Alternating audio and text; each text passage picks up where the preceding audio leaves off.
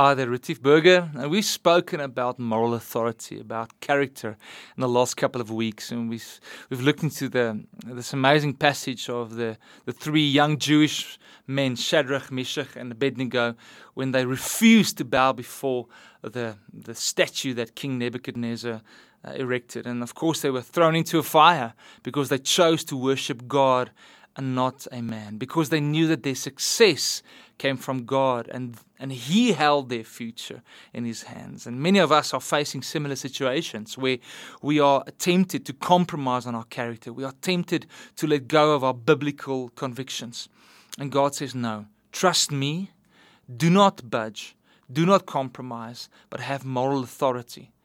And in the words of Andy Stanley, he says, credibility and moral authority is when you you have the credibility that you earn when your walk and your talk is the same. There's no discrepancy between your professional and your private life. And I want to touch on, on, on six areas where you can grow uh, in your moral authority. And of course, this is not possible by ourselves.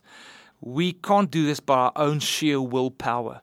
We need the grace of God to help us. We are transformed by, by the gospel. It's an inside out transformation where we die to ourselves and, uh, and we say, Lord, take over and build your character in me and through me. Six areas. We're going to look at three now and three next week. The first is in the area of the ordinary. The ordinary things in life give us moral authority. It may seem ordinary, but it's actually extraordinary. If you're married, it's in your marriage. How you treat your wife and your husband. How you treat your kids. Are you present? Are you involved? Are you there? Um, small things like do you have time for your children? Do you have time for your wife? Another area, of course, uh, in the ordinary is the area of, of, of finances. With how much integrity are you handling your finances? Are you generous? Are you a good steward? This is a very great area of moral authority where so many people have fallen because of greed and because of, of, of, of all these um, uh, temptations that, of course, come to people. Um, when we think about tax, do you have integrity in that area? You see, that's where we build moral authority. It's just to have a decision made in your life that I will not compromise I don't care what other people do around me. I don't care what the world says is the norm. I will have character in the ordinary, let, us say the mundane things, even when nobody else is looking. The other second area is, of course, the area of purity, especially sexual purity. Now, if you're married or you're single, is to have a pure walk. And we know that even in the church world, the, the, the history is, is ridden with so many body bags of people who compromise in this area.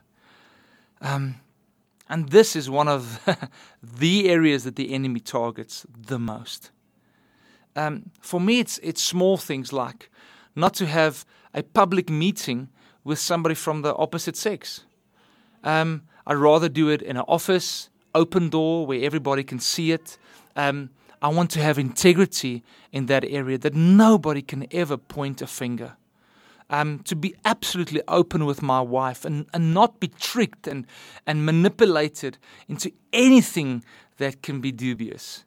Anything that, that, that people can, can, can maybe wonder, I wonder what's going on there. And of course, this, this goes for um, what we watch on TV, uh, struggles with pornography, whatever that might be in your life is that's where we build moral authority. Get in the open. Um, if you need some prayer, get people close to you with strong accountability. That's where we build moral authority and character.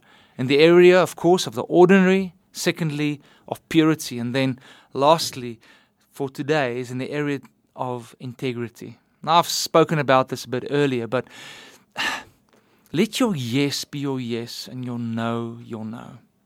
Integrity is meaning uh, uh, means to be whole or complete, intact, and there's a consistency of character that you're not someone different when you're around the who's who's. And, and when it's somebody that can't benefit your career or your church or whatever, you, you kind of change. Are you the same with all races? can you live with true integrity, not overcommitting and under delivering?